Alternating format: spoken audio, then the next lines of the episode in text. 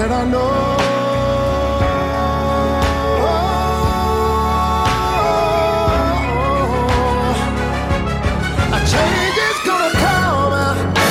Välkomna till ett nytt avsnitt av Skokonomics. Och vi tyvärr är vi inte på YouTube den här veckan ännu. Vi sa ju kanske att vi skulle vara på YouTube den här veckan. Vi är väldigt nära. Vi har, jag har köpt fåtöljer.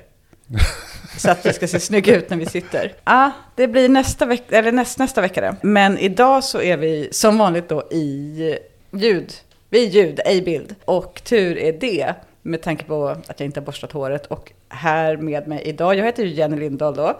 Och med mig idag har jag som vanligt Sandro Scocco som egentligen har sin, det är han, han är due for eh, fin presentation som vi kört varannan vecka då. Egentligen redan förra veckan, men jag tänker vi sparar det till nästa avsnitt då. Så du får istället en, en outning här att du ju då är halvnorsk. Ja, det, det, det är, faktiskt en, det är Ish. faktiskt en överdrift. Alltså, Ja. Jag är lite av blodmässig eh, liksom, gatukorsning. Så att jag är faktiskt kvartsnorsk. Min mormor eh, var norska. Ja, men å andra sidan är väl din mamma född i Norge? om, nu kommer folk undra, varför pratar du om Norge? Men jag kommer till det. Jaha, okej. Men nu kommer alla bara chockat tänka, va?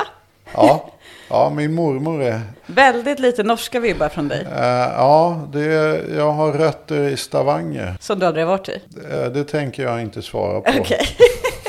Kanske har varit i. Men du kommer få ett litet förhör sen om vad, vad du kan om norska priser. Mm. Det som är temat för dagen är att vi just haft ett val i Norge. Och vi ska prata om det norska valet och vi ska prata om den norska ekonomin som ju är superspeciell. Eh, för att man har supermycket pengar, det är eh, oljepengar, man har en välfärdsstat som inte är lika chanserad kan man säga som övriga Norden eller övriga världen. Och man har, eh, stått, man har, står utanför EU och det finns liksom mycket som är intressant att prata om kring hur norsk ekonomi då har klarat sig. Och vi har med oss då en Norge-expert som är väldigt van vid att vara Norge-expert. Men han är också vår vän och kollega här som eh, vanligtvis också då är eh, expert på eh, arbetsmarknadspolitik och ekonomi. Ali Esbati. Hej. Hej! Och du är ju Norge-expert därför att du har bott jättelänge i Norge eh, och bland annat jobbat för Manifest som är tankesmedja kallar man det va? Ja, det är en eh, tankesmedja. En facklig tankesmedja. Mm, fackligt finansierad tankesmedja. Precis. Mm. Eh, du har säkert gett ut massor med rapporter då som inte jag har koll på om norsk ekonomi. Inte vet jag. Ja, en, eh, en hel del. eh, Och, eh, om välfärds, eh, välfärdssystemen och eh, olika liksom, aspekter av, av norskt samhällsliv och arbetsliv. Men Nu han har det ju inget dessutom- blod från Norge. Nej, jag vad tycker jag det ändå, vi, vi, väg, vi försöker väga Men här han har ju lite. ett, ett, ett barn som, som har det. Ja, som, Ja, det har är, som, ja. är, Eh. som är född i Norge och är norsk medborgare. Ja. Mm. Så, så det, då är du ändå släkt med norrmän. Ja, det kan, Kan man, man säga. absolut Då säga. är det bara du som inte är släkt med någon. Jag har noll kopplingar till Norge. Mm. Förutom att jag har varit där då. Säkert mer än vad du har varit i alla fall. Eh, så jag tittade på Sandro, inte, definitivt inte mer än Ali.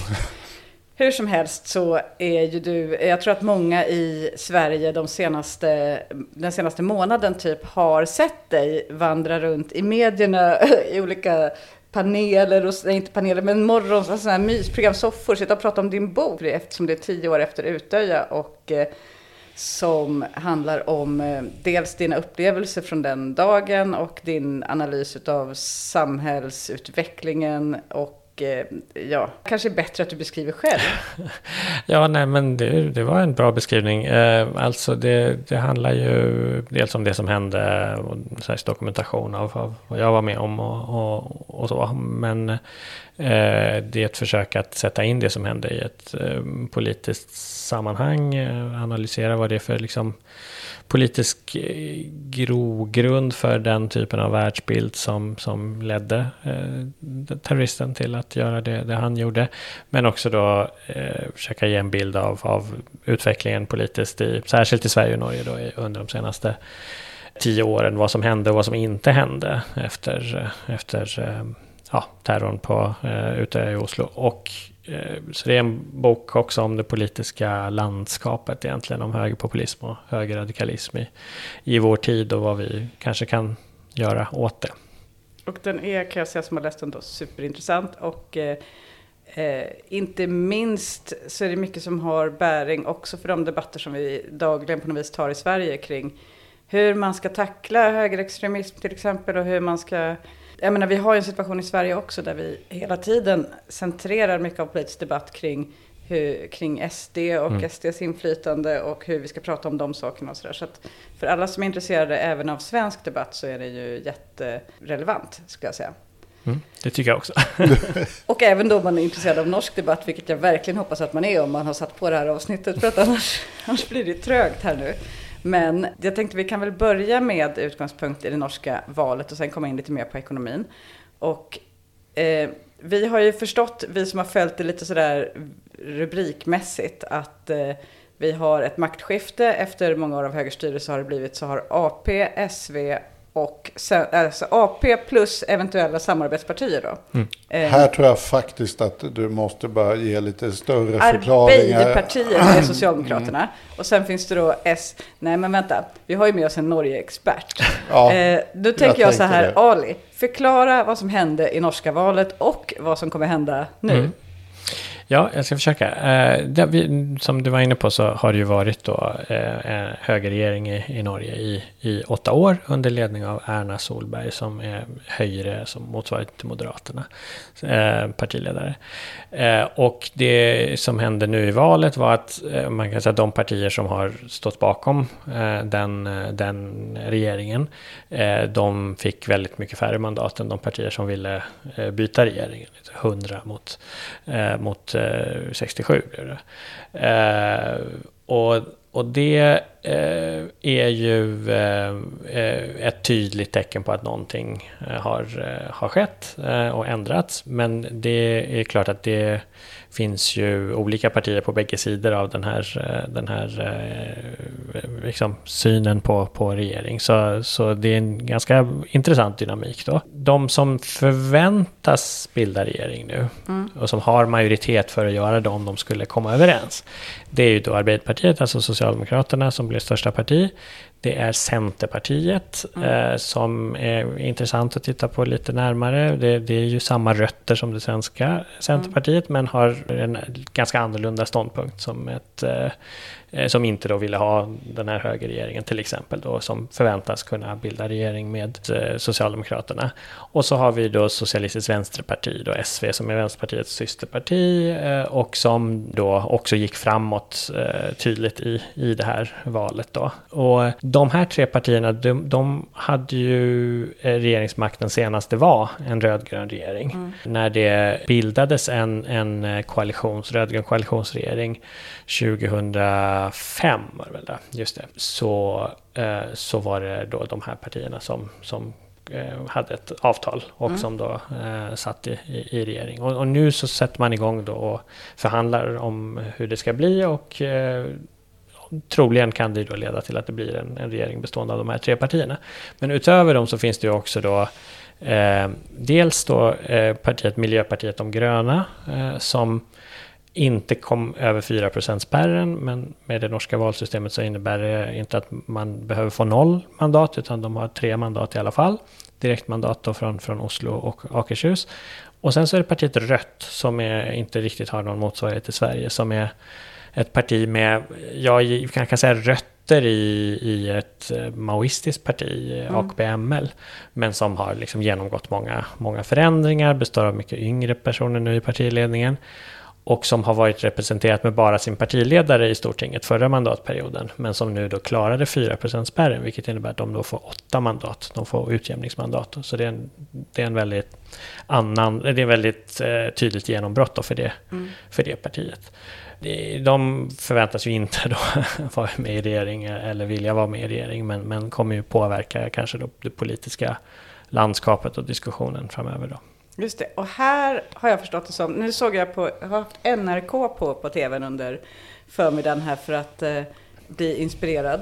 Det var, det var något eh, svensktalande matlagningsprogram och sådär, så jätteinspirerande var det ju inte. Men i alla fall så fick man, nyheterna fick följa Audun Lysbacken som är partiledare i SV då när han längs en regnvåt villagata är på väg hem till eh, Arbeiderpartiets ledare. Gar Störe. Gar Störe heter han i efternamn. Ja, Jonas Gar Störe. Jonas Gar Störe. Det, det, är alltså bara svårt att sätta ordning på de där.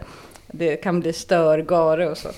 Gar Störe. På väg hem till honom och eh, så frågade journalisterna vad han förväntade sig och då sa han kaffe. Det tyckte jag var kul. det. Eh, Men, eh, för det finns ju då en förväntan på att just de här tre partierna ska komma överens. Men det finns också en lite, inte så lik, men ändå lite lik situation i Sverige. Det vill säga att man har ett centerparti som är lite orimligt.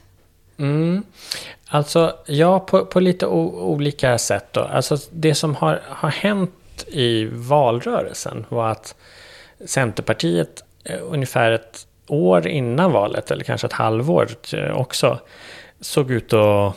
Alltså de blev ju det parti till sist också som var, gick mest fram jämfört med förra valet. Men, men ett tag såg det ut som att de skulle kunna göra ett helt absurt bra val och kanske till och med kanske kunna liksom nosa på att bli största parti, alltså större än Arbeiderpartiet. Och då började de liksom snacka om, ja men är du statsministerkandidat och liksom och så. Och i samband med det så börjar de säga att nej men vi vill inte ha, vi tycker att vi inte behöver ha och ska ha SV i, i regeringen utan det, det blir bra med oss och Arbeiderpartiet och kanske vi kan vi fråga någon av de här mittenpartierna om de vill vara med och sådär. Så att de, de liksom skakade om lite, det där funkade inte så bra, de tappade ju dessutom då från, från de här högsta positionerna och det lät lite annorlunda på, på valdagen. De sa så här, men det, är det vi önskar men, alltså, så de öppnar för att det ändå kan De kan- är inte, de är inte, det var inte direkt ut med förhandlingsförbud eller nej, så? det var inte ett förhandlingsförbud. Och det som är definitivt en stor skillnad mot Sverige, en väldigt avgörande skillnad, det är ju att det här inte är ett nyliberalt parti. Exakt. Alls. Eh, utan Dessutom snarare inte så tvärtom. gröna heller. Eh, nej, inte det heller. De så har att de, ju- vad är de då? Nej, de är ju ett gammalt bondeparti. Eh, Men de har, jag tycker det är ändå ett ganska intressant parti därför att det de har gjort i det här valet det är ju att de definitivt har kunnat så att säga eh, vinna röster på den här centrum-periferi-spänningen som ju är reell i jättemånga länder men som i, i Norge särskilt liksom ofta är en, en issue liksom i, i diskussioner där, där liksom Arbeiderpartiet och Höjre bägge uppfattas som liksom centraliseringspartier. Eh, Medan då Centerpartiet har varit väldigt tydligt mot det. Det finns konkreta frågor som liksom regionreform, som sjukhussammanslagningar, sådana frågor där de har profilerat sig som ett, eh, inte bara landsbygdsparti utan anticentraliseringsparti. Mm. Och det har ju funkat väldigt bra i väldigt stora delar av, av landet. Inte i Oslo, där är de ju jättesvaga. Men, eh, men eh, de har ju faktiskt inget mandat från Oslo tror jag. Eh, Men, eh, men de är ju som sagt, de, de var ju det parti som gick mest framåt jämfört med förra valet. Men vad är det på för frågor då? För man tänker sig i Sverige så är ju att profilera sig på landsbygdsfrågor, det handlar ju mycket, skulle jag säga i alla fall, om att eh, eh, vad ska man säga, gestalta eller ge ord till eller ge stöd till eh, typ missnöje till exempel Mm. över att samhällsservice har dragits Mm. undan, över, att, över att landsbygden har utarmats. Är det så eh, debatten ser ut i Norge också eller är det andra frågor?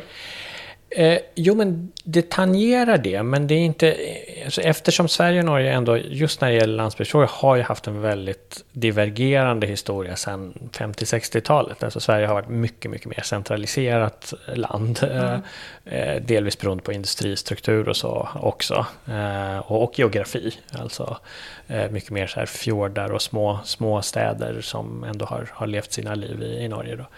Eh, men men, men, men det har också funnits den här liksom, lite mer identitetsaktiga frågan. Alltså vad är det, vilka är viktiga? Alltså vem, vems, vems verklighet är det som präglar diskussionen? Eh, det har varit viktigt, men, och därmed då också eh, fokus på den här saken. Frågor om, om eh, ja, men hur, hur, hur syns staten, vad kan man satsa på, vad, vad finns det för liksom, samhällsservice och så. Jag, det som jag tycker är intressant då, om man tittar på jämfört med Sverige, och, men också många andra länder i Europa, det är att Centerpartiet och lite grann faktiskt Rötts framgångar eh, i det här valet visar att det finns andra vägar för den där landsbygdsmissnöjet att ta än det rent högerpopulistiska. För det är ju väldigt ofta dit det tar vägen med liksom Frankrike och Front National som slags förgrundsfigurer men i många andra länder i Europa har det varit samma sak, den här spänningen i, eh, mellan, mellan eh, ja, men det urbana och det rurala. Ja, USA ska vi inte snacka om. Alltså, eh, Medan där blir det liksom ändå lite annorlunda när folk ändå kan rösta på Centerpartiet eller på Rött till exempel. Och, och i, på vissa ställen faktiskt också på SV. Men det är kul att tänka sig att man, liksom är, man är missnöjd så man röstar mitten. Ja, jo men precis. Men Centerpartiet har ändå, eh, och jag tror eh, liksom du skulle få höra det också av representanter för SV och Rött också. Centerpartiet har, har, är ju ett parti som på många sätt står till vänster om socialdemokratin mm. i, eh, i, frågor som rör fördelning i ekonomisk politik. Eh, att man väl ändå vill ha en, en eh, en annan typ av ordning runt eh, vissa saker. Där, där Arbeiderpartiet i alla fall under, alltså delar av Arbeiderpartiet eh, under ganska många år ändå har dragit åt det lite mer marknadsliberala hållet och, och, och sådär pro-EU. EU-frågan är väldigt stor i, i Norge på det sättet då. Så har ju Centerpartiet då stått för att man, man, ja, men man ska kunna hålla på, på tullar och tariffer. Eh, man, ska, inte, man ska inte privatisera grejer. man ska inte konkurrensutsätta allt möjligt. Och då gäller det inte bara jordbruket utan mer, mer generellt. Så, så det är inget konstigt på det sättet att det skulle gå att ha en rödgrön regering. dels så gick ju det under åtta år för, före den här högerregeringen regeringen. Eh, och dels så är det en hel del sammanfallande ståndpunkter, även om det också finns mm. skillnader. Men varför finns det två stora vänsterpartier då? Ja, det är en bra fråga. Det, det har ju historiska skäl. Alltså, eh, i, eh, alltså, det finns inget parti som riktigt eh, har samma historia som Vänsterpartiet. Eh, utan eh, i, i Sverige så blev ju liksom det svenska då, kommunistpartiet Spännande, vidgade sig ju. Jo, men det svenska kommunistpartiet liksom breddade sig ju ja. Eh, och, och, och, blev liksom det moderna Vänsterpartiet via VPK mm. till Vänsterpartiet. I, I Norge så, så blev det inte så med det norska kommunistpartiet och det, det partiet gick ju i princip under då, det försvann i mm. praktiken. Så SV som är liksom Vänsterpartiets systerparti är egentligen en utbrytning från Socialdemokraterna Socialdemokraterna på, eh, först och främst på NATO-motståndet egentligen. Men också, man var mer alltså en radikal vänstergruppering inom Arbeiderpartiet och så har man blivit det här, det här vänsterpartiet. Rött kommer kan man säga historiskt från en, en maoistisk tradition. Det fanns ett litet men väldigt aktivt maoistparti som hette AKP-ML. Det finns det nästan alltid. Ja, precis. Men i, i, Vart du än vänder i världen finns det ett litet ja, aktivt maoistparti ja, som heter typ APK-ML. Exakt, men i, i Norge så, så var det faktiskt eh, ett parti som lämnade ganska stora eh, avtryck i kulturlivet. Mm. Många stora författare författare eh, kom därifrån och sen så eh, var det också eh, ett parti som eh, där man hade folk som själv proletariserade sig och sen han blev liksom, ja, men viktiga fackliga ledare, inte då mm. nödvändigtvis kvar i, i det partifållan, liksom, ibland ja, ibland nej. Men det där partiet har ju liksom genomgått massa ändringar. Man ställde upp, man, man, gjorde en front som hette Röd valallians och som det ställde man upp och utmanade liksom vänsterifrån. Eh, och det partiet har ju liksom aldrig riktigt slagit igenom. En gång i slutet på 90-talet hade man då en person som kom in mm. i Stortinget men sen som föll ur. Eh, men på senare tid då, så efter att man har bildat partiet Rött, eh, som då har liksom inga formella band kvar till det gamla, men som ja, har liksom de historiska traditionerna, så har ju partiet blivit väldigt ungt till sin ledning eh, och eh, har eh, ja, men jobbat med mycket mer konkreta politiska frågor. Det är väldigt likt och står också liksom personellt och politiskt nära enhetslistan i Danmark, som mm. i sin tur står väldigt nära Vänsterpartiet. Så, så det, det, det har varit liksom en slags ja, men ganska stor utveckling av liksom, både liksom vilka det är som styr partiet och vad de står för. Uh, och, och, nu har ju de då fått sitt eh, liksom nationella genombrott också för första gången. Att de för första gången i sin historia kommer in över 4 spärren då i, i, i det norska parlamentet. Mm.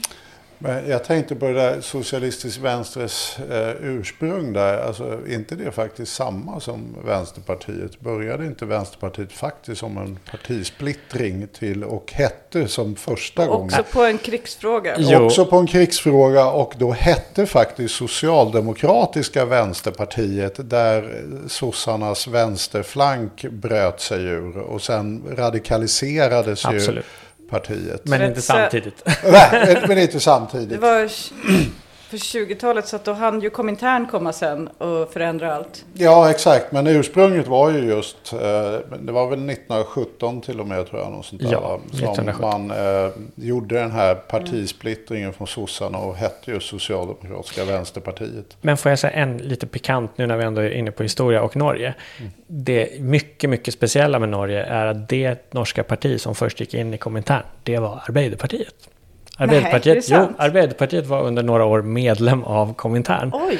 Eh, Så det är också någonting speciellt i, i norsk historia. Sen var man inte det och var starkt antikommunistiska sen och så. Mm. Det var jätteintressant, det hade jag aldrig gissat.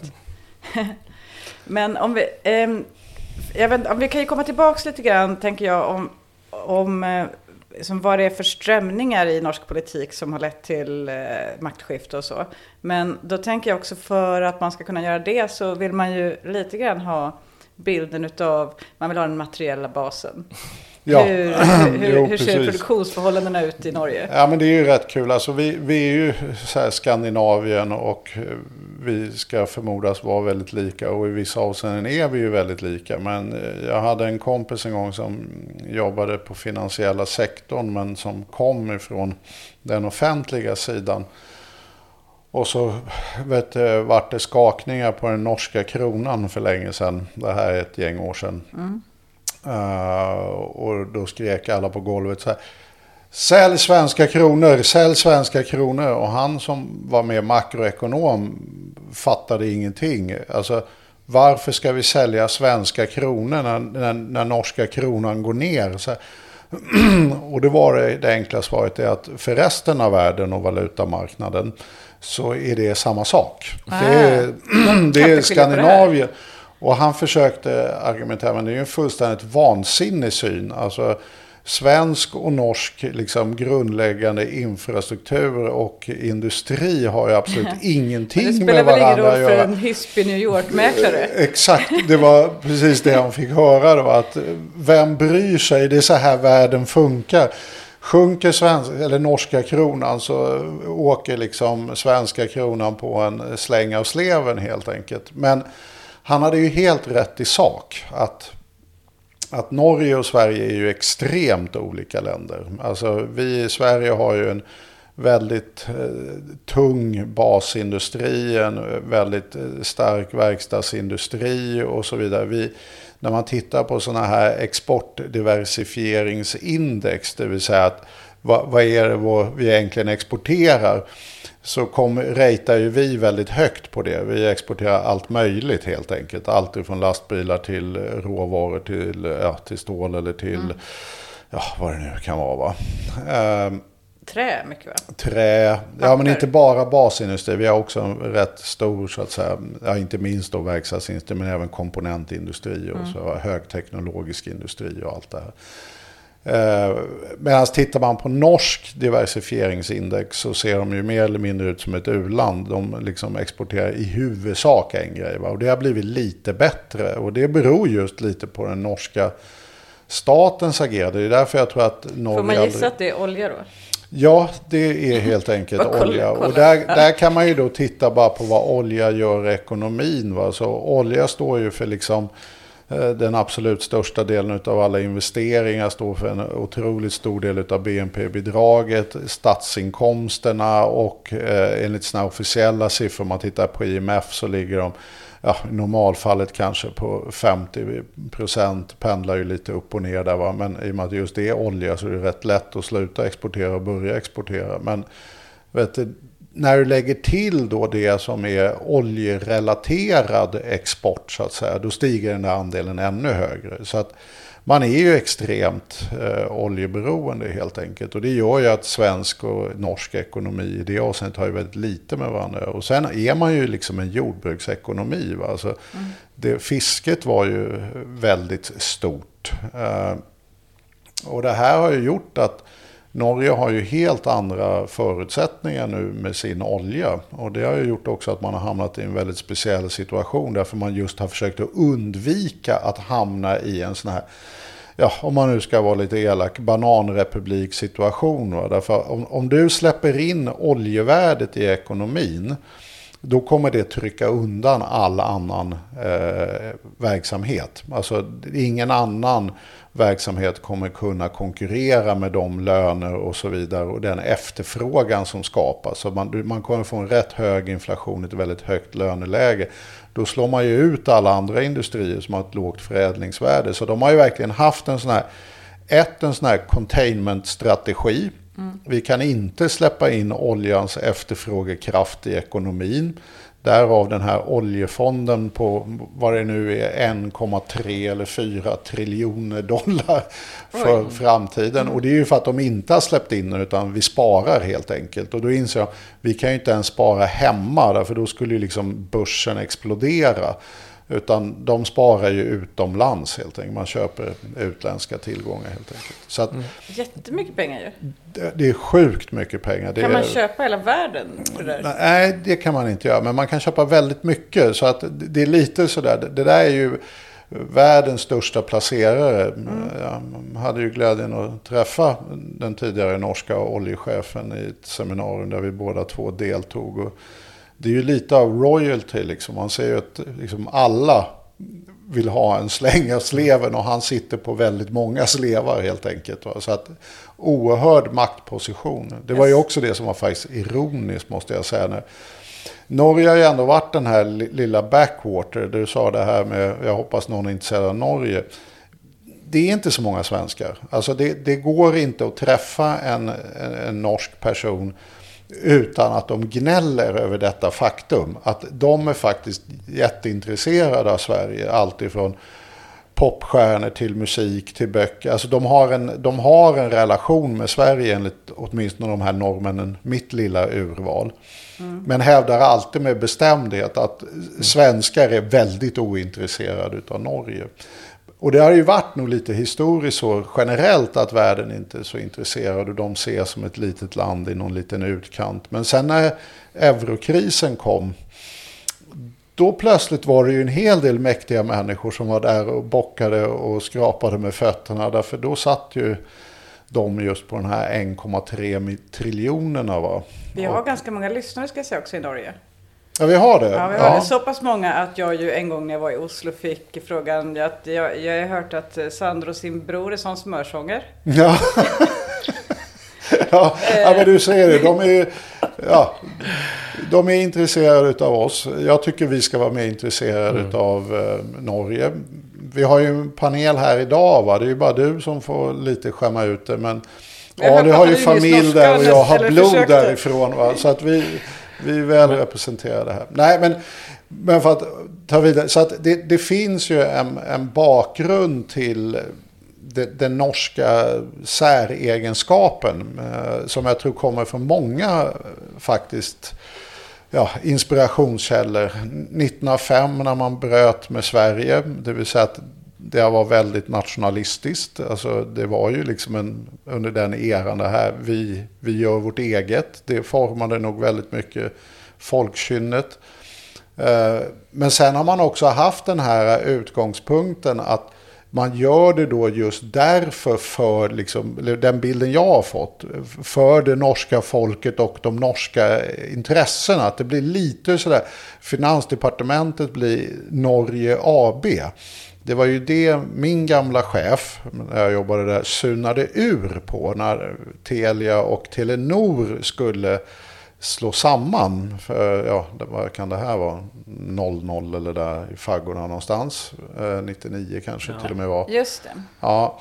Då skulle ju liksom svenska och norska staten göra affärer ihop. Var det här då, jobbade du på näringsdepartementet då? Jag hade precis faktiskt slutat och ja. det var därför han gjorde bort sig. Därför jag hade typ bara månad innan gått över till LO på den mm. tiden. Men tidigare så gjorde jag det.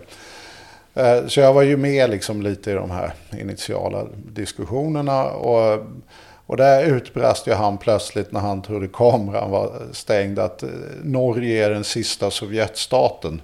Mm. Det tyckte ju folk var kul. Och sen la han till då. Också vilket... att det varit lite av en kris. Att Det var för att Norge vart arga va? Ja, men alltså det är väl ingen som just då vill bli kallad för sista Sovjetstaten. Så Jag- jag, tycker inte att det är någon Jag vill jätte... skjuta in att jag tycker att Ja. Norge klagar mycket på att vi är PK, men de är också väldigt lättkränkta när det gäller själva Ja, när det gäller liksom, den nationalistiska sidan. Va? Ja. Därför han klämde ju till med det också på slutet. Att de är väldigt nationalistiska och allt är politik. Något sånt där, Just det. Jag kom på att vi inte ska kränka Norge i podden, för då blir det ju likadant för oss. Ja, alltså jag gör inte det. Jag, jag bara uttrycker Ali är viss så förståelse. obekväm nu. Ja. Han kom, det här kommer bli som i AMK morgon när K. Svensson drog den här Åsa Linderborg-grejen och ingen sa ifrån. Och så kommer du, alla kommer höra, du kommer få löpa gatlopp, alla kommer bara säga varför försvarade du inte Norge Ja, Ali? det ska jag göra. Jag bara, jag går och väntar. Ja, men jag, jag, jag, men jag, jag tänkte faktiskt själv försvara Norge. Där, därför det, det låg ju någonting i de- de- den här frustrationen från Björns sida. Därför Björn tyckte så här.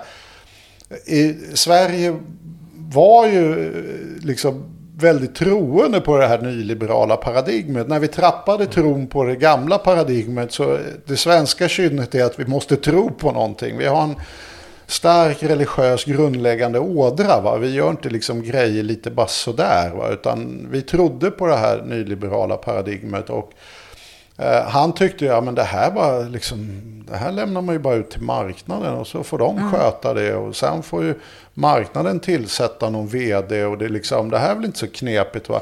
Det är Medans- sant, det är det uttalandet säger jättemycket om hur socialdemokratin faktiskt köpte den paradigmen. Absolut, nej, men det gör det va. Och hans syn på det och hans frustration och Att irritation. inte vilja privatisera, det är att vara sista Sovjetstaten. Nej, och inte bara det, utan också hur man vill tycka till och lägga sig i saker. Va? Det, alltså, om jag inte missminner mig nu så var han ju väldigt irriterad på helt enkelt norska finansdepartementet som hela tiden hade massa synpunkter på en det ena och en det andra. Va? Alltså de, de var väldigt aktiva helt enkelt, den norska regeringen i det här. Och det tyckte han var skumt. Det här är ju business liksom. Vi ska ju sälja ut liksom. Det här ska ju gå public liksom. Och så där, så att det där tyckte han var väldigt Sovjetstaten då. Va? Men det där är ju å andra sidan, tycker jag då, en av styrkorna med Norge. Att de har ju haft lite det här för att tala i moderna termer då. Eh, Matsukatos, den här entreprenöriella staten är liksom lite norsk trademark. Va? Att liksom, man ser liksom på något sätt att vi gör ju business här men som stat. Och oljan var ju just en sån jättegrej. Därför oljeindustrin så hittar ju liksom den dominerande parten, det vill säga USA. Nu var det för sig Philips som hittade oljan först i Norge men inte fick kontraktet sen. Utan Esso var ju den som... För Philips, de här som gör elektronikgrejer. Philips, deras Petroleum Division, Philips är ju ett jättebolag. Jo, de, man har ju sån tv och så.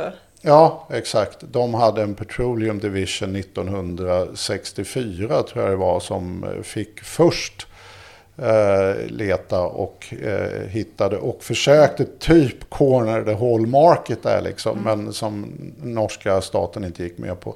Så Esso tror jag var de första som sen hittade olja. Men där var ju liksom modus operandis. Om svenska staten hade gjort det här alla liksom 90-tal, alla Björn. Då hade man varit så här, ja men vi gör det här som man brukar göra. Vi ger rättigheterna till Exxon Mobil som det då heter idag. Och sen får vi liksom lite pengar vid sidan om. och det där var ju absolut inte norrbaggarnas eh, perspektiv på tillvaron. Utan de tog ju en jättestrid politiskt för att själva ha kontrollen, äga. Man gav ut en sån här tio liksom, budorden. Hur ska vi liksom förhålla oss till oljan? Man startade Statoil väldigt fort. Man krävde att Statoil skulle ha 50-procentigt ägande i alla koncessioner. Man krävde att man själv skulle teknikutveckla, att man skulle utveckla en industri kring det här som man hade med pipelines, supportfartyg, plattformar. Alltså det blev en väldigt, väldigt statligt egentligen kontrollerad industripolitik. Mm.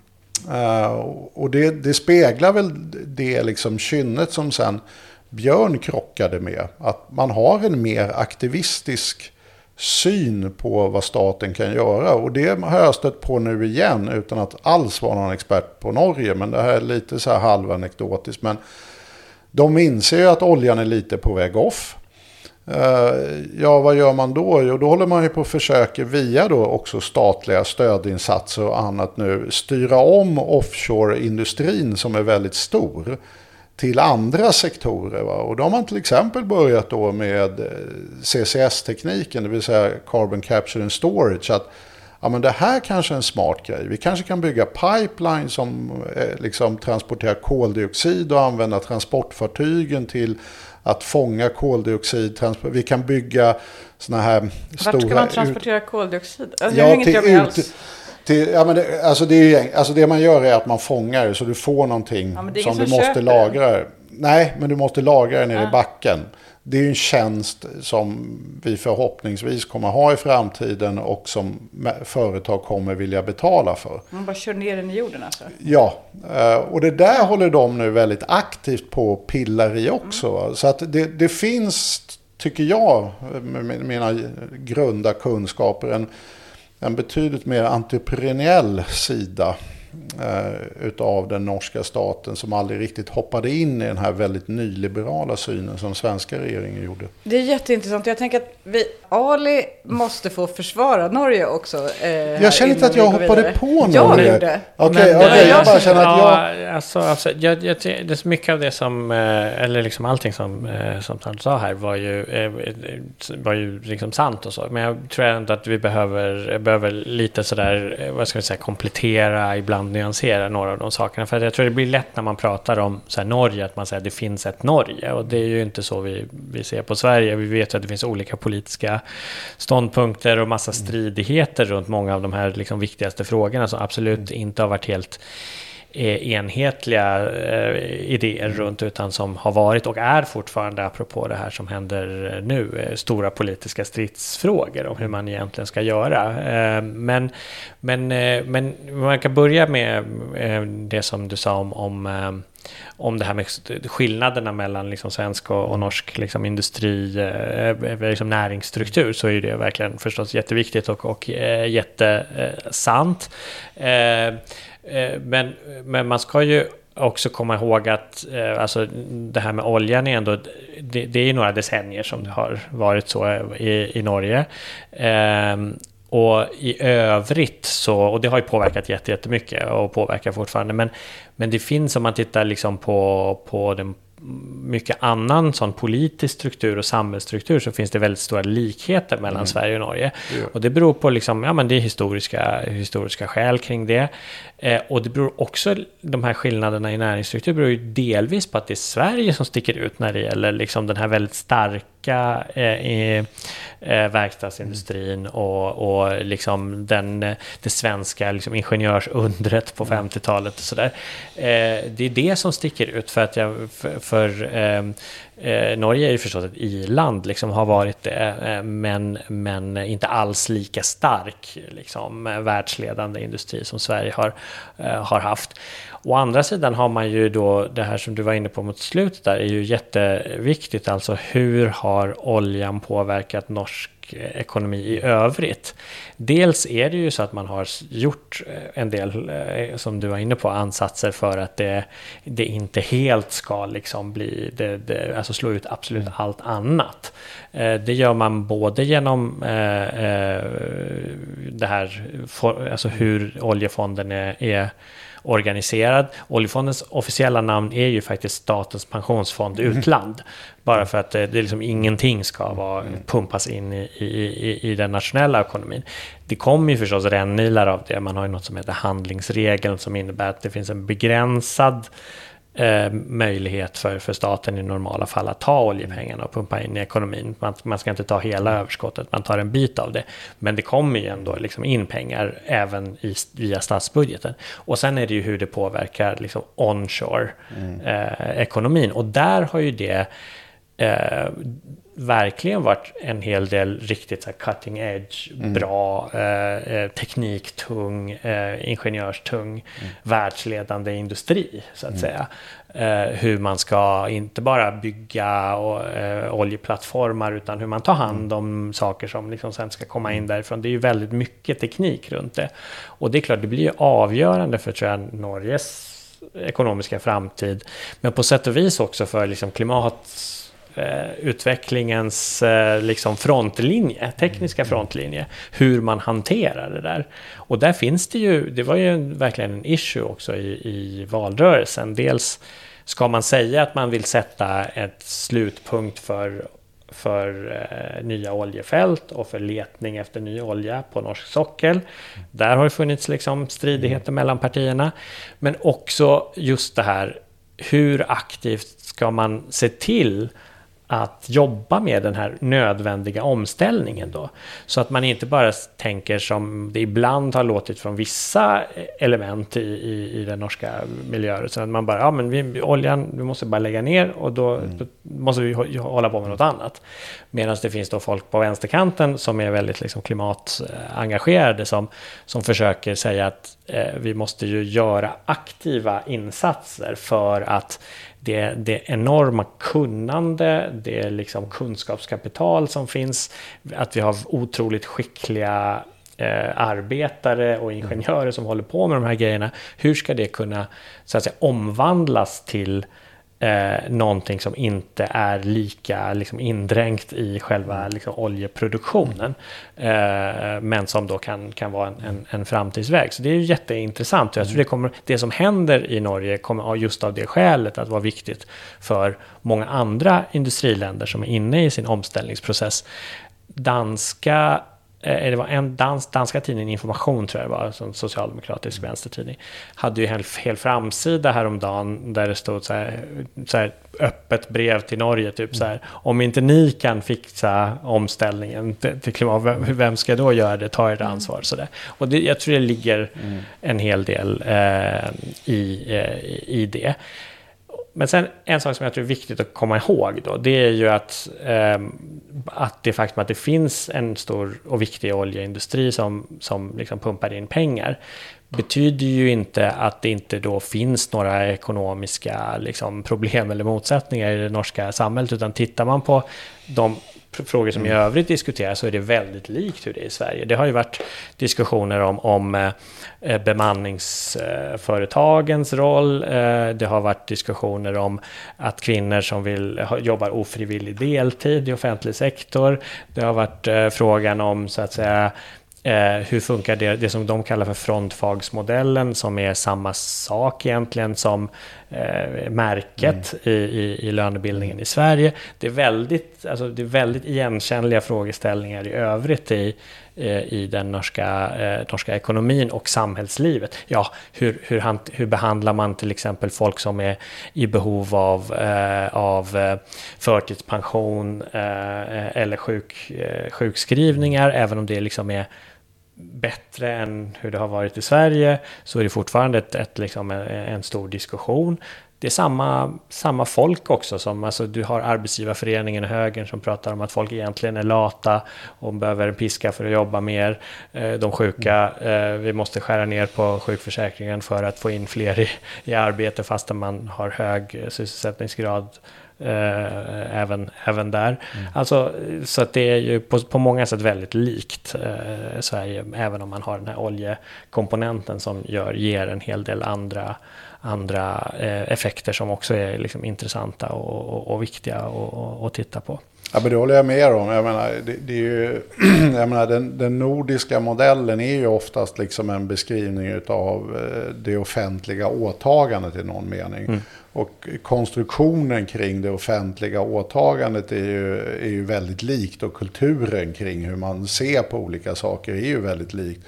Och samtidigt är de här grundläggande näringsstrukturerna mm. och tror jag lite de historiska erfarenheterna lite olika. Och det har ju gjort tror jag att Norge ibland ja, har valt lite en annan mm. väg. Liksom. Jag menar, bara det här med EU, att man, man är så mån om att få skydda sin eh, jordbruksindustri och så vidare. Att man väljer den här ESSS eller e EFTA-vägen via då avtal med EU sen. Att man har frihandelsområdet men man har gjort två liksom friskrivningar.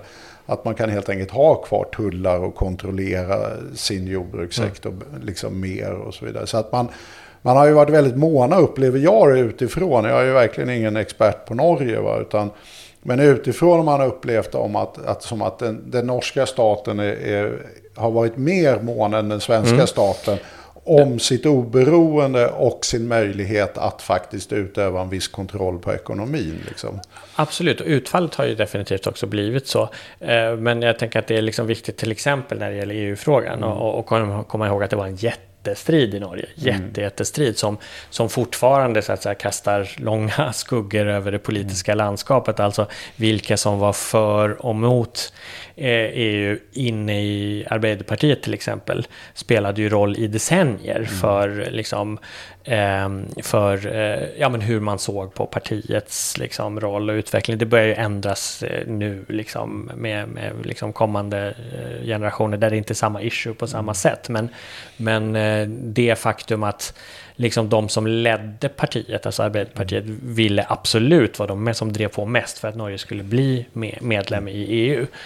Medan det fanns också en stark opposition i eh, i Arbeiderpartiet mot eh, EU-medlemskap.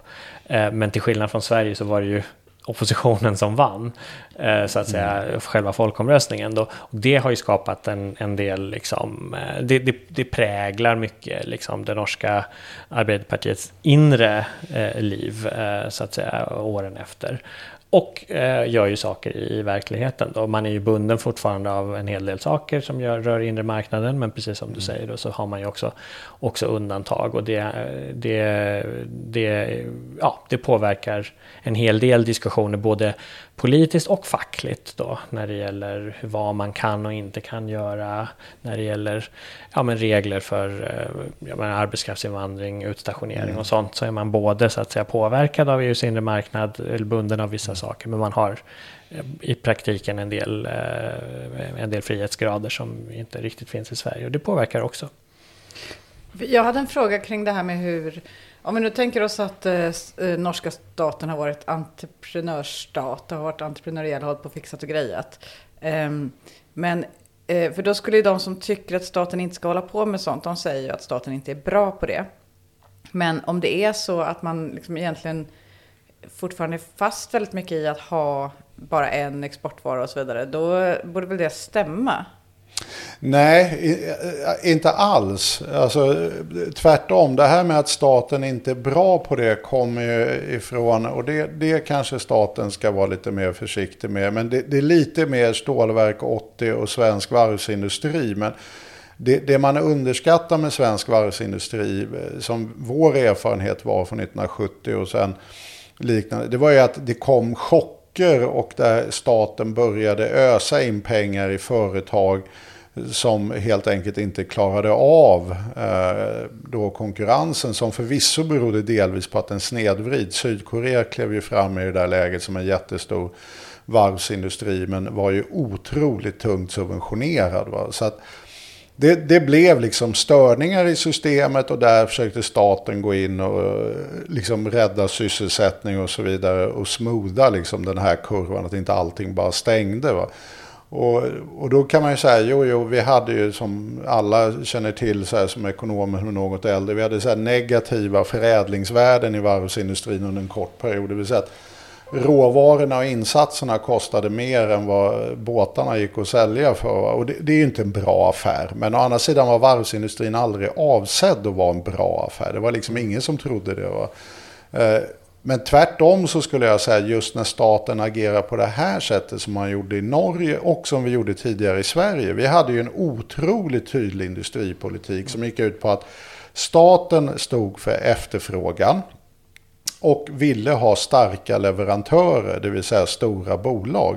Nästan alla våra storbolag har ett i praktiken mer eller mindre statligt eh, ursprung.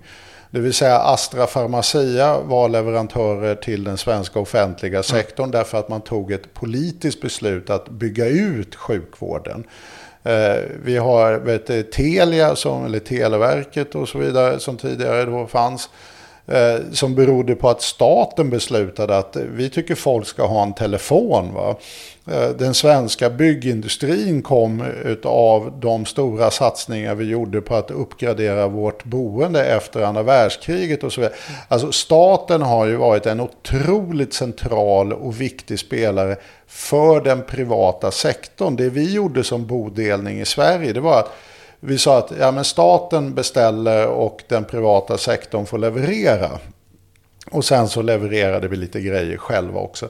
Så ofta syftar man på det här när, när staten har försökt gå in och rädda krisbranscher som redan var dödsdömda. Och det, det ser jag nästan lite mer som ja, någon form av smoothing av strukturomvandlingsprocesser snarare mm. än industripolitik i genuin mening.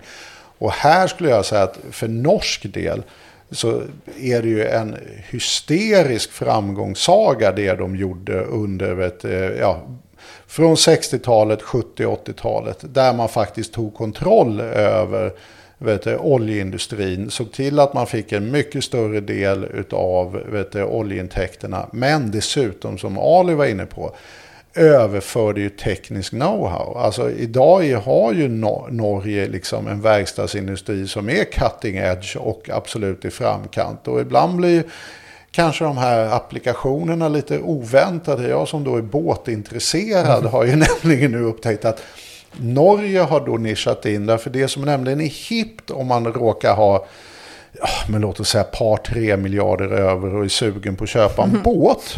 Mm. Eh, då vill man inte längre ha en sån här stor båt som, som Jag bara... Jag tror du menar miljoner va?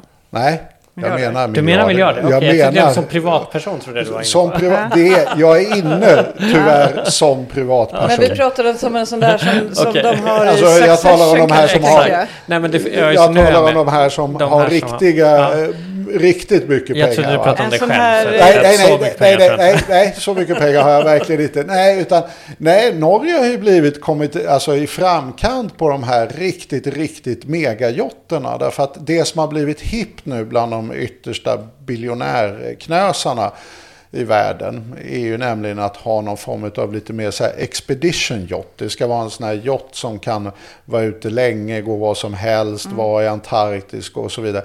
Och då har de ju liksom överfört den här know-howen de har utvecklat med sina transportfartyg och Nordsjöfartyg. Mm. Till då den här privata yachtmarknaden som är faktiskt sjukt nog fortfarande blomstrande. Va? Mm. Så nu har de ju nyligen sjösatt... Men den borde ju vara mer blomstrande än någonsin eftersom alltså, typ de super superrika är liksom, drar ifrån. Det är det jag tycker är märkligt att de har gjort det i sådana här kristider. Ja. Så att det, det, är det underliggande jag tycker ja, ja. är konstigt. Mm. Men det har de de facto mm. gjort. Uh, och det har gjort att sådana här, uh, Jeff Bezos köpte väl en ny båt nyligen nu, förvisso då en segerbåt, den var inte norsk levererad, men sådär för 3,5 miljarder eller vad det var. Mm. Eh, men där har ju då Norge plötsligt en, en industri. Och det hade man ju i och för sig tidigare också. Därför där vill jag också... Så vill man nästan för, ha förbeställning på om man ska tillverka en sån båt. Så man inte först tillverkar en båt som kostar 3,5 miljarder och sen försöker sälja den. Nej, de där, de där, ja, de där säljs bara mot... inte på hyllan. Ehm, ja, vi har inventering idag. Vi har en skön privatjott här för 3 miljarder som är isklassad. Är det någon som är intresserad? Men nej, så funkar det nog inte på den branschen. Men, men det här gör ju det att Norge har ju tack vare de här insatserna nu, har ju cutting edge på pipelines, på offshoring och så vidare. Va? Så att de har ju nu någonting de kan växla om. Alltså försöka hitta nya applikationer för den här tekniken. Och hade de inte haft den här som Björn definitivt hade kallat vet du, sista Sovjetstatens politiken under 70-80-talet. Då hade de inte haft någonting av det här. Och det här var ju en jättestrid med de amerikanska intressena. Mm. De satte ju påtryckningar på norska staten via WTO och privat och via UD och såna här saker. Att de ville ju liksom flyga in know-how äga know-howen och flyga ut. Va? Men då hamnar det ju väldigt mycket i händerna på att de äger alla produkter. Uh, så Tur att, att inte vi har olja tänker jag. För att eftersom vi har haft en helt annan syn på hur man ska... Jo men ja. det, det, där är ju superintressant. För att det var ju så när, när det där beslutet togs eh, att eh, man ville, man ville liksom ha statlig kontroll över själva liksom, primärresursen, mm. olja. Då blev det, det var, inledningsvis var det inte självklart att det skulle bli så. Det var en vanlig så här höger-vänster diskussion och så. Men man landade i att, eh, att eh, eh, det blev bred politisk enighet om det. Eh, och det, om själva den saken, att man inte skulle så att säga bara sälja ut koncessioner och sen så Mm. göra något kul för Ja. pengarna. Så att säga. Eh, det fanns folk, eh, faktiskt liksom folk i det som var föregångarna till det som blev Fremskrittspartiet. De var inne på att nej, men, staten ska inte göra det här heller, det blir bara, det blir bara dåligt. Men efter det så har det ju varit en massa eh, så att säga, strider om, om exakt hur det här ska göras. Hur ska eh, liksom utformningen av, eh, av oljefonden vara? Vad ska man ha för strategier för investering och inte? Det är en sån sak. Eh, men, men också i övrigt så har det ju varit eh, liksom mycket diskussioner om liksom nyliberalismen eh, och hur, hur mycket den ska så att säga, få genomslag i, genomslag i, i eh, eh, ekonomin i, i, på andra områden. Som jag menar till exempel hela diskussionen om New Public Management är jättestor i, i Norge. Man kan, se, eh, man kan se definitivt att det har varit påverkat hur man, hur man ja, men skötte offentlig sektor och vad, vilka idéer som styrde ungefär samtidigt som Sverige.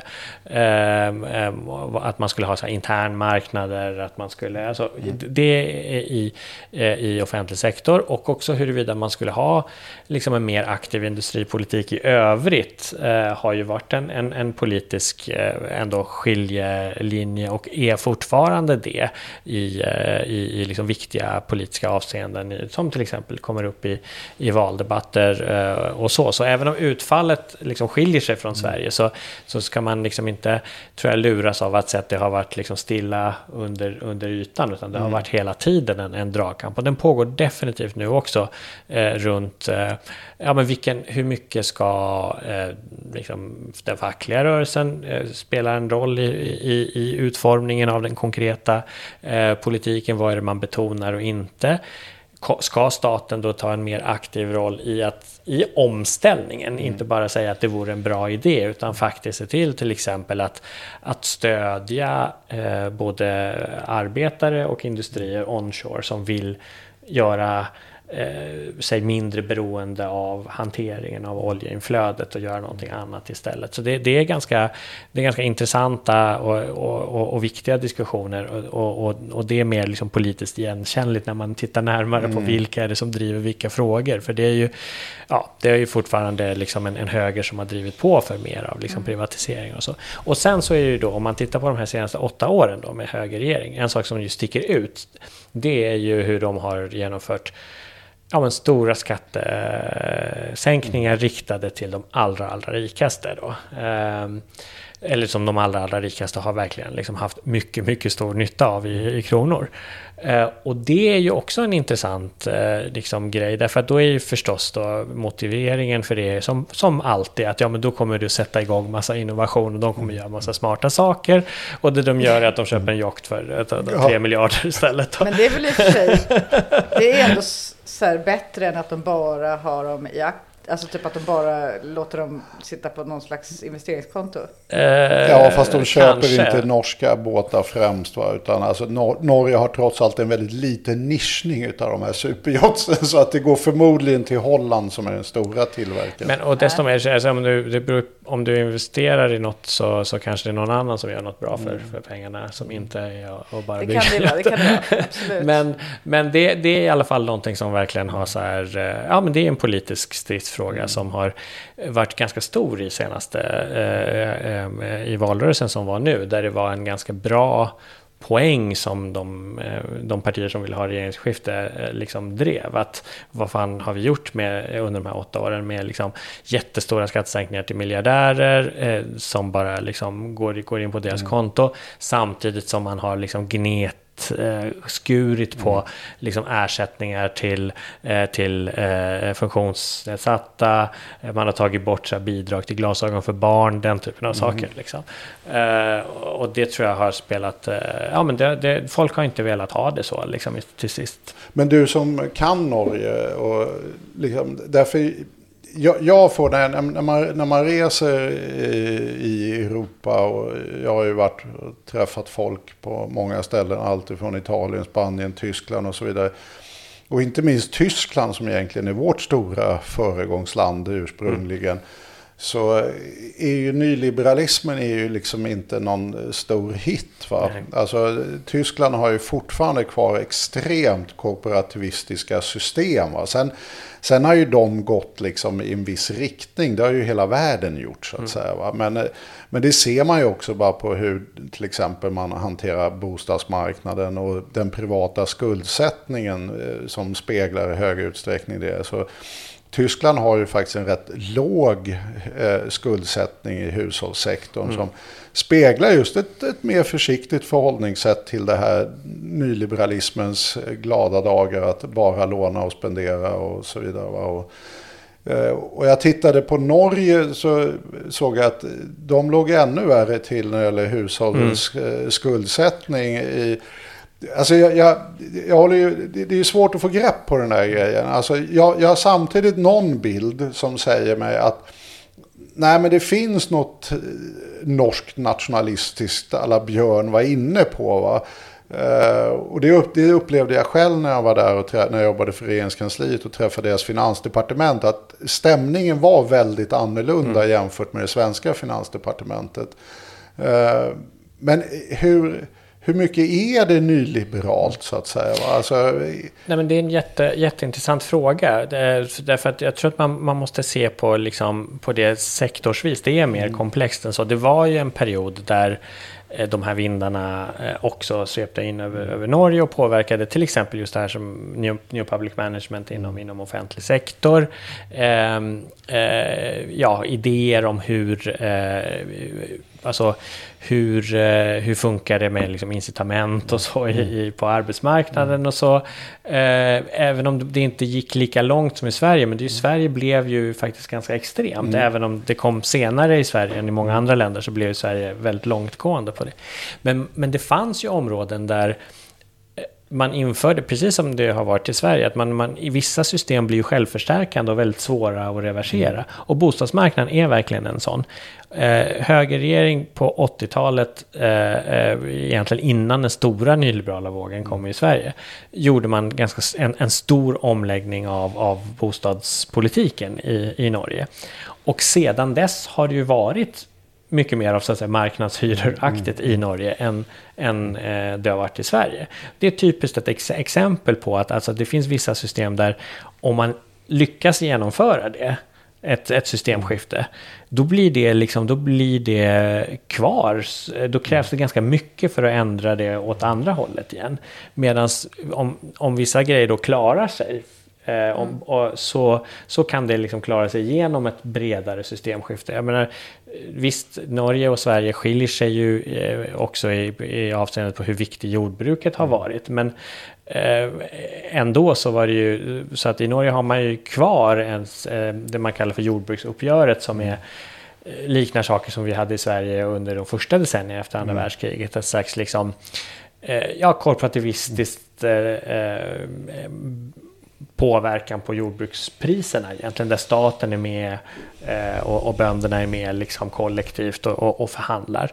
Eh, den, liksom, den grejen överlevde 90-talet, 80 och 90-talet och då, då är den ju kvar. Mm. Då, är, då har den fortfarande så i Norge. Så det, det, det, det säger något, tror jag, eh, lärorikt också mm. om systemskiften.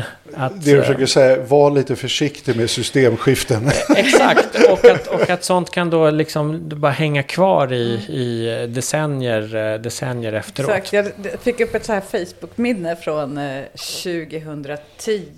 Eh, eh, då var det val, ja, var val. Ja. Och eh, då så sa, då hade vi, vi hade en så här rödgrön grej i Kungsträdgården. Bland annat så höll Stellan Skarsgård ja. ett tal. Och då hade jag, alltså, Facebook-minnet var att jag hade skrivit upp, eh, skrivit, citerat och han sa om ni inte är helt hundra procent säkra på att ni vill privatisera så måste ni rösta på ett av de här tre partierna. Därför att det går inte alltså typ, hans resonemang var just det, det går inte Ja. att ta tillbaka sen. Ja. Eh, så att om ni, om ni funderar på det fortfarande, tycker att det kanske är bra, liksom, då, då Ja. måste ni rösta på SV eller MP. Liksom. Nej men det, och det är ju verkligen, men det är bara att titta på liksom skolsystemet i Sverige. Alltså det, det är skitsvårt. i Och det fall. har går, de men ju det inte svårt. i Norge, eller hur? Nej, precis. Eh, och och, och där, eh, där är det ju, det var ju faktiskt så att nu i senaste valrörelsen eh, i, i Norge så var ju, användes ju liksom Sverige som ett, eh, ganska framgångsrikt, som ett skräckexempel på, när det gäller äldreomsorgen. Alltså, Tobias Baudin var ju över och kampanjade och sa så här, gör inte så här. Eh, och du nämnde ju att jag skrivit en bok om Utöya. Eh, eh, själv, föredraget som jag höll när jag var där eh, handlade om hur Nya Moderaterna hade liksom gjort sin extreme makeover och, och sista sliden på det föredraget var en bild på Fredrik Reinfeldt med orden Don't try this at home.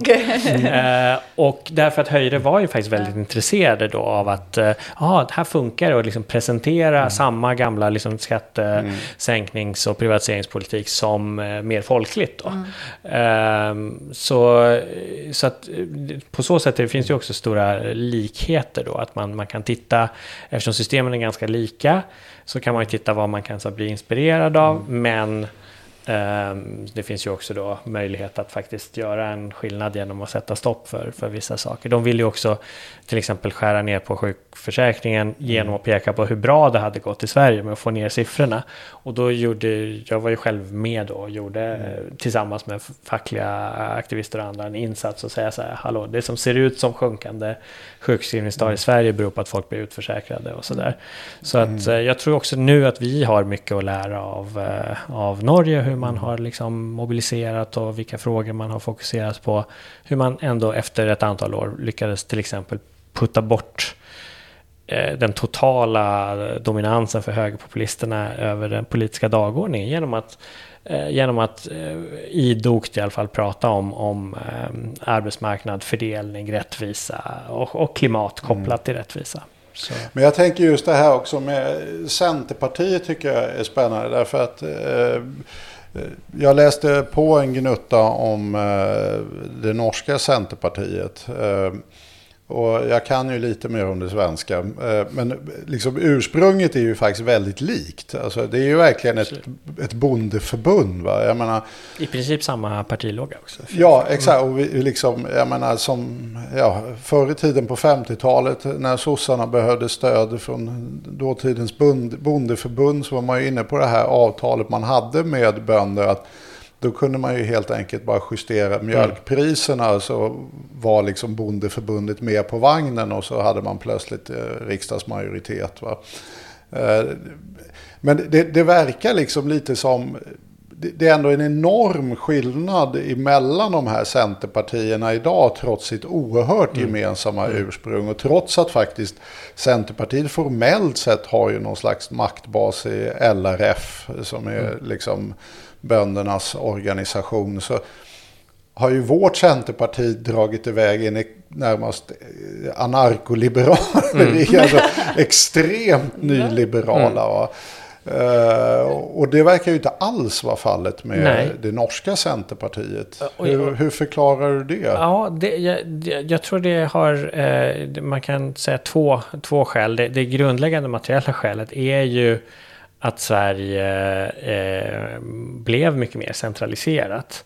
Eh, alltså mindre av, eh, av eh, så att säga, eh, Alltså landsbygden ändrade karaktär i, i Sverige jämfört med, med Norge mycket mer. Och det ändrar också basen för hur eh, liksom Ja, du tänker urbaniserat? Ja, precis. Ja, ja, det, Eh, ja. så Mm. så, så, så det, det, det blir också skillnad på vad, vilka man representerar och på, på vilket sätt. Eh, och sen tror jag EU-frågan spelade en eh, jättestor roll. Alltså eh, i, i Norge var Centerpartiet eh, väldigt aktiva på, på nej-sidan mot, eh, mot EU.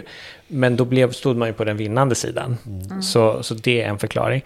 Och sen så spelar det ju stor roll att Centerpartiet var ju så att säga för, försvagat som struktur i Sverige. Vi har ju sett liksom sjunkande röster. Just baserat på eh, liksom materiella förändringar. Att liksom, det finns färre bönder och, och, och så. Men, men eh, den, den liksom medvetna näringslivshögern satte ju väldigt offensivt in en stöt för att få in Centerpartiet eh, på, alltså stabilt på högersidan i, i Sverige.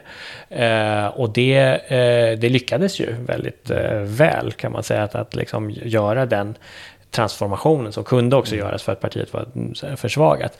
I, i Norge så, ju, så var det ju den eh, Eh, där lades ju den, den, energin mycket på att få in Fremskrittspartiet i, i att bli en del av en självklar liksom, borgerlig. Mm. Mm. Det som nu har hänt i Sverige med Sverigedemokraterna mm. hände ju tidigare med, med Fremskrittspartiet och mm. förklarar också till att de då kunde högern ta makten. Fremskrittspartiet var väl aldrig så, så liksom ut utfrysta som SD var Nej, så att säga. Det ska man, det ska man, alltså så här, eh, det, det är ju sant därför att Fremskrittspartiet har inte nazistisk eh, tradition. Fremskrittspartiet är mycket mer likt Ny Demokrati mm, på det sättet, mm. men kom ju in eh, mycket tidigare. Fyllde mm. De är ju över 40 år gamla nu. Mm. Eh, men eh, det som jag tycker är intressant om man tittar ut, liksom, både Sverige, Norge men hela Europa, det är ju att man ser en, en eh, konvergens mellan de olika typerna av högerpopulistiska, högerradikala partier. Mm. Även om man kommer från olika håll mm. så konvergerar de precis. mot att fylla samma terräng i det men politiska det finns, landskapet. Ja, precis. De har hittat, det finns ett koncept som är framgångsrikt. Mm. Så att de som anpassar sig till det, de, mm. de blir framgångsrika och de som inte gör det, de hamnar någon annanstans. Precis, eh, pratar mycket om muslimer. Ja. Eh, försök vinna eh, på, på eh, den här liksom centrum-periferi, missnöjet. Mm. Och eh, i praktiken har ju alla då hamnat eh, ekonomiskt politiskt på högersidan, även om man på vissa ställen då eh, försöker att eh, liksom värja sig mot att bli beskrivna på det sättet. Man mm. kan liksom framstå som så välfärdschauvinister. Eh, det vill säga så här, jo men vi vill ha ett starkt välfärdsstat, bara eh, ingen, ingen som inte är vit ska... Därför gick det åt skogen för Ny Demokrati, för de, var, eh, de gillade inte välfärd. Ja, och för att de aldrig fick genomslag i, i fackföreningsrörelsen eh, skulle jag säga. Vilket kanske är för att de inte gillade ja, välfärd. Precis, precis. Ja, fast det... man, man ska ju inte glömma det, alltså om man nu talar om Ny. Jag tycker nämligen det är rätt spännande att vi underskattar egentligen bakgrunden och därmed också den folkliga acceptansen för ursprunget för de här olika partierna. Och, och där skiljer sig det dramatiskt då, till exempel det danska motsvarigheten var ju liksom ursprungligen ett eh, skattekverulistparti mm. med Mogens Glistrup. Man åkte runt i en eh, sportbil med cab och sa att jag vill inte betala skatt ungefär. Va? Men där hade ju Ny Demokrati kunnat slå sig in Inte riktigt, därför Ny Demokratis ursprung var nämligen inte ens skattekverulism, utan det var faktiskt den nya välfärden. Uh, och det var ju ett SAF-initierat och finansierat ja. initiativ. Och där hade man ju en otroligt välutvecklad liksom, syn på, man gav ju ut det här, tror jag hette Medborgarnas offentliga utredningar och sådana här saker, någon så här varumärkessnyltning på SOU liksom. Mm. Så att det, det, var ju liksom egentligen ett parti som i, ekonomiska, i den ekonomiska politiken och hela sin ideologi låg egentligen väldigt långt högerut, till höger om Moderaterna. Det var liksom ett avsiktligt syfte att driva den ekonomiska politiken och nyliberalismen väldigt långt. Va? Eh, och sen när man sen skulle bli ett politiskt parti så kommer ju den här man insåg att det, det, där är ju ingen som är intresserad. Och till, till skrönan hör ju dessutom att Svenskt Näringsliv försökte ju sätta stopp för Wachtmeister. Därför mm. han ville göra, han tog upp frågan, ska vi inte göra det här till ett politiskt parti? Och då sa ju Svenskt Näringsliv nej. Uh, och sen liksom hoppade han ut ändå i lådan. Sen vad sugen man blir nu på att göra en karta över högerextrema partier i Europa. Och ja, deras, men, fan, och så Europa, men sen la ju de på en, liksom, om man nu ska vara ärlig, en rätt tunn patina utav kraftig främlingsfientlighet. Och, och det blev ju liksom the ticket to ride så att säga. Att det var ju det folk uppfattade. De uppfattade ju inte den här underliggande kraftiga nyliberalistiska ådran. Liksom. Men, men där finns det en jätte, liksom, jag tror att det är väldigt intressant att titta på Norge i det mm. avseendet. Du har ju till exempel skrivit en bok om, ja, om det. Men, men Fremskrittspartiet är ju ett, eh, ett väldigt intressant parti på det sättet. De har sina egenheter men de går också in i en, i en liksom, eh, internationell eh, liksom, familj. Eh, och det är ju att de, den här typen av partier lyckas ju när de kan kombinera eh, olika typer av, eh, av så att säga, etablissemangsmotstånd. Mm. Det, det, när man lyckas så att säga kombinera Eh, den eh, ofta så här småföretagare som, som tycker att staten är för stor. Eh, här tjänar man pengar men man måste betala allting till staten. Med folk som tycker att staten skiter i dem för att de, är, de kan vara långtidssjukskrivna. De kan vara, bo i, i landsbygden och känna att, att staten skiter i dem där. När man lyckas kombinera eh, den här typen av outsiderkänsla eh, från olika håll, då blir ju det ett farligt parti. Mm. Det är alltså det att personer som annars då längs den vanliga höger-vänster-skalan absolut inte har sammanfallande intressen kan uppleva att de har ett sammanfallande intresse så som det uttrycks av det här partiet. Mm. Då kan de verkligen liksom vinna eh, terräng. Och det är precis så de, de mest framgångsrika av den typen av partier mm. lyckas göra. Och det är när, när, de in, när de tappar det, så att säga, när de eh, inte längre lyckas appellera till alla de här eh, eh liksom strömningarna samtidigt, så tappar de ju också stöd, som Fremskrittspartiet nu har gjort mm. eh, senaste senaste valperioden. Men ska komma ihåg, de var ju, det var inte länge sedan de var uppe i mätningar uppe i 30 procent alltså. Mm.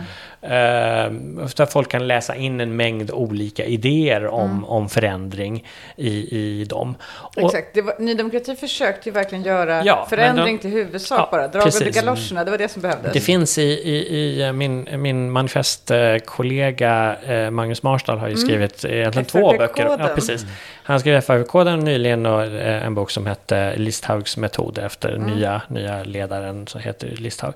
Men i eh, FRP-koden har han ju en, en eh, historia, så jag tror han återberättar från Carl I Hagen, alltså ett gamla mm. FRP-ledarens ehm, eh, memoarer. Men att, att det var eh, någon, någon eh, som eh, kom och var arg på en annan, alltså det var typ liksom konflikter internt i partiet, någon som sa att ja, men den här killen han pratar ju alldeles för lite om eh, om eh, skattesänkningar och att vi mm. måste liksom avskaffa välfärdsstaten och så. Och då säger Carl I Hagen något i stil med honom till att ja, men han springer runt och, och, just det, och, och han eh, hamnade i olika skandaler. Mm. Jag tror det var det. Per Sandberg som det, som det pratas om då. Eh, och, och liksom var liksom ruffig och mm. bara burdus. Men då säger Carl I Hagen till den här killen som är kritisk att eh, han, håller, han gör eh, det där, han springer land och rike runt och, och, vinner väljare så att du kan gå och prata med dina Rotary-vänner. Mm. eh, så att eh, låt han mm. vara. Ja. Och då lyckas man just kombinera den här liksom mm eh, direktörs, eh, liksom vad fan är välfärdsstaten, vad fan får jag för pengarna, mm. eh, mm. strömningen med eh, den här eh, liksom eh, känslan av att ha blivit övergiven som, som, som förtidspensionär eller mm. långtidssjukskriven. Och, och, jag skiter väl i vad, vad, vad politikerna säger att de ska sänka eller höja skatten, jag får ändå ingenting den, när de lyckas liksom få dem ihop i samma, samma röstmönster, då är det... Då Vad är det... får jag? Det är en bra fråga att mm. ställa sig som... Mm. Ja. Om man också känner att det spelar ju... Det vore, det vore väl bra om det fanns eh, ett samhälle som tog hand om dem, mm. av mig. Mm. Men nu är det ju inte så, så då, då kan jag lika gärna rösta på basis av något helt annat. Det är ju också rimligt. Mm. Eh, att eh, varför ska man hålla på och rösta i princip, liksom, om man inte får ut det som, det som den ideologiska inriktningen ska leverera? Precis, om man inte uppfattar som att de frågorna som man i så fall skulle liksom ha en annan åsikt om, ja. då, alltså att, att välfärden borde vara starkare ja. eller att det borde liksom byggas nya industrier, så det, det är ändå inget som riksdagen liksom påverkar uppenbarligen, då, för att oavsett vad man röstar på blir det samma politik. S säger, nu ska vi inte gå in ja. på eh, klandra S, i eh, Oslo så är det vanligt eh, att som arbetskraftsinvandrare se eh, unga svenskar som är där och arbetar. Och det beror ju på att man har mycket högre löner i Norge, eh, i allt från undersköterska till restaurangarbeten. Men eh, det medför ju också högre priser i Norge. Eh, och dels är det högre priser generellt på allting såklart eftersom så att säga hela löneläget är högre. Men det är också många konsumtionsvaror som, som betingar extremt höga priser. Ehm, men, och nej, nu skulle jag ju tagit ut så här typ att man skulle få gissa om det är dyrt eller inte dyrt. det hade varit kul. Men eh, jag tänkte bara säga några, några liksom olika konsumtionsvaror här så ska vi se om, för jag tänker att du har säkert koll på de här priserna. Ska vi se om Sandro kan gissa vad det kostar. Vad tror du Sandro att ett paket cigaretter kostar?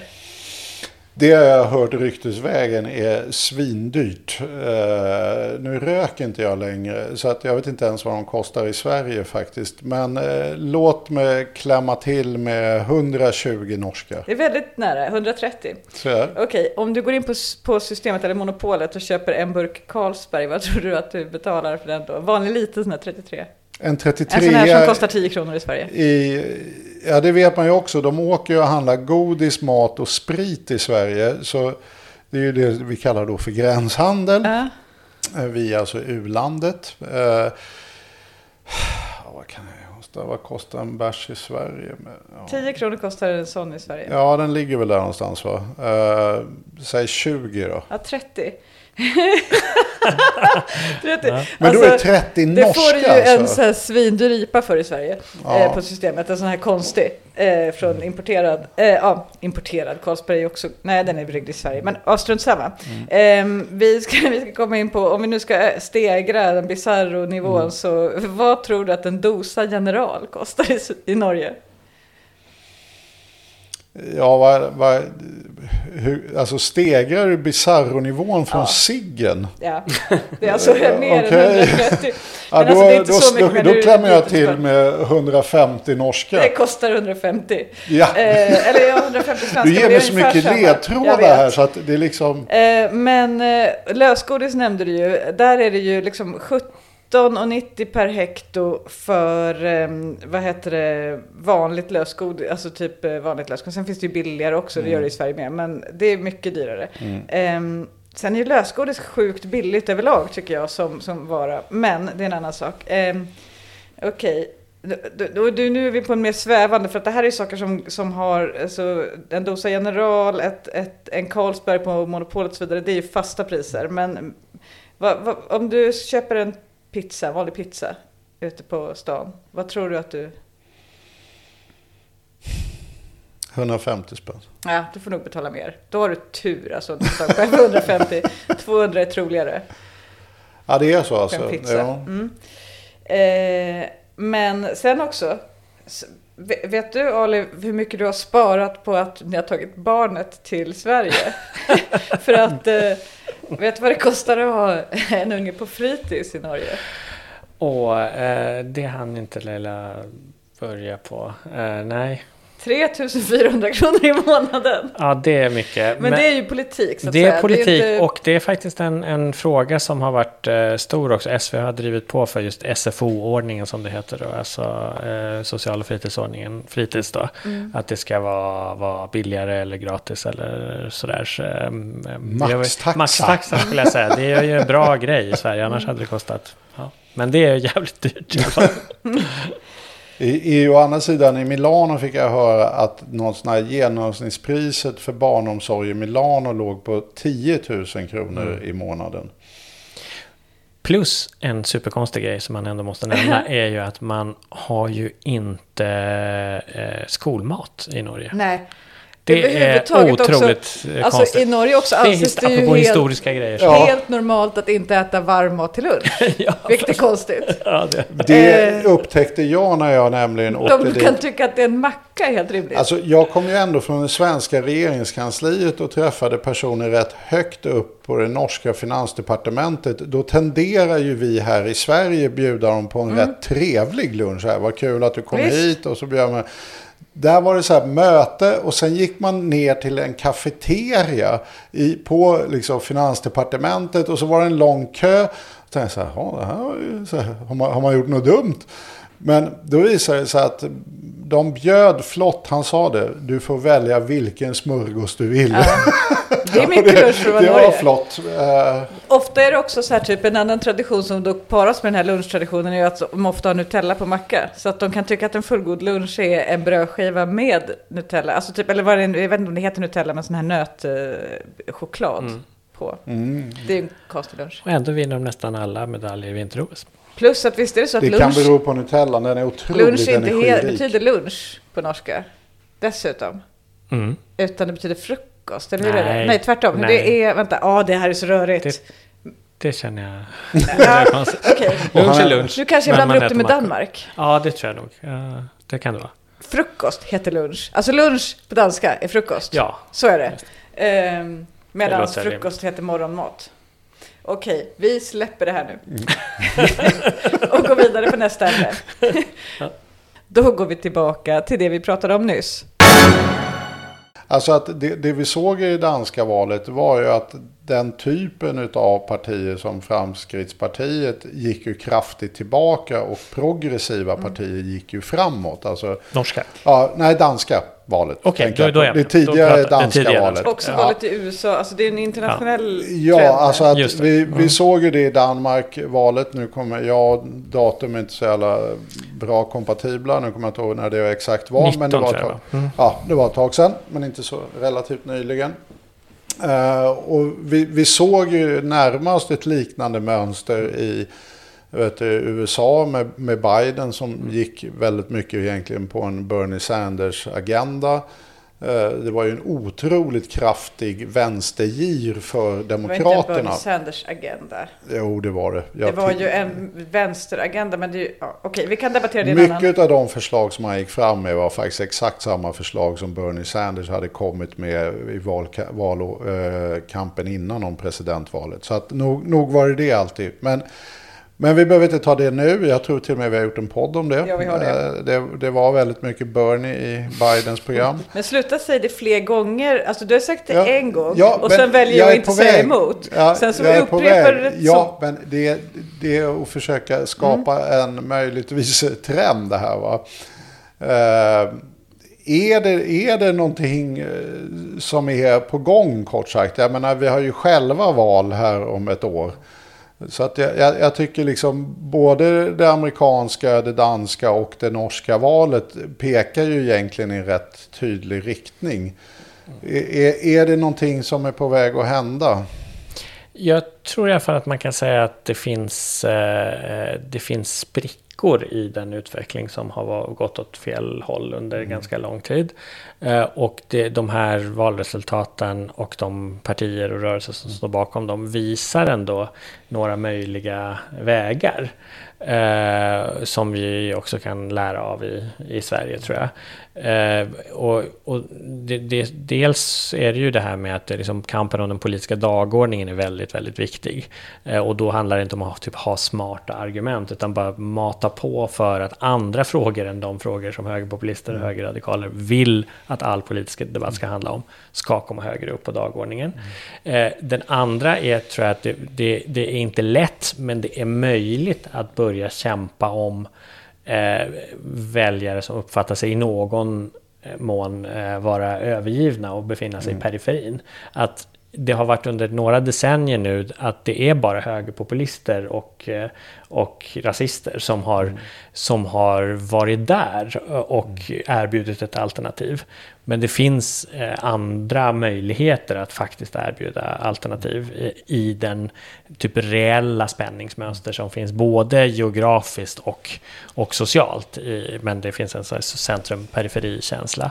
Eh, och att eh, det är möjligt, även om det inte är superlätt, att att få eh, just eh, de sammanfallande intressen som finns i en, särskilt en eh, urban arbetarklass, eh, gärna tjänstesektorn så att säga, då, där man blir väldigt hårt utnyttjad kontra eh, en, eh, en arbetarklass i, i mer glesare bygder som kanske tidigare har varit väldigt nära industrier som är på väg ner. Att det kan finnas, så att säga, få ihop de sammanfallande intressena i samma typ av röstningsmönster. För det kan man se i, i Norge lite grann, man kan se det i, i USA. Eh, i, I Danmark, inte i samma partier, men om man ser samlat sett över, över eh, eh, liksom i, i vänsterblocket så var det lite så man kunde, man kunde göra. Och man ser sådana tendenser ute i, i eh, andra delar av, av Europa att det kan vara, vara möjligt. Och så får vi se vad som händer i Tyskland också. Om det mm. kanske till och med är så att Socialdemokraterna för en gångs skull börjar liksom kunna ändå liksom vända mm. sin egen eh, liksom dödsspiral eh, uppåt så kanske det kan det kan vara något i de länder där man inte har, eh, har eh, en, eh, en liksom organiserad vänster till vänster av socialdemokratin som kan utmana mm. på riktigt. Då. Men, men nog finns det, nog finns det liksom hoppfulla element eh, som man kan jobba vidare på. Eh, en sån sak som jag också för övrigt nämner i boken är ju att om man tittar på de yngsta eh, grupperna av folk som röstar så är det på de flesta ställen eh, så att eh, rasistiska och högerpopulistiska krafter är inte som starkast där, utan ofta som svagast där. Det gäller både USA och stora delar av Europa. Eh, det ger ju inte automatiskt liksom, vänsterseger eller progressiv utveckling, men det ger ju definitivt en, en möjlighet till att kunna liksom, vinna, eh, vinna framtiden. Med det så får vi avsluta den här eh, omgången utav Skokonomics och kanske den sista som man inte kommer se hur vi ser ut på. Eh, men så vi får, vi får bjuda in dig igen sen någon gång när, när vi har med bild. Så när du har kammat håret tror jag så de får se, Så de får se hur det såg ut. Men eh, det blir om två veckor och eh, tills dess, hej då! Hej då! Tack för att jag fick vara med.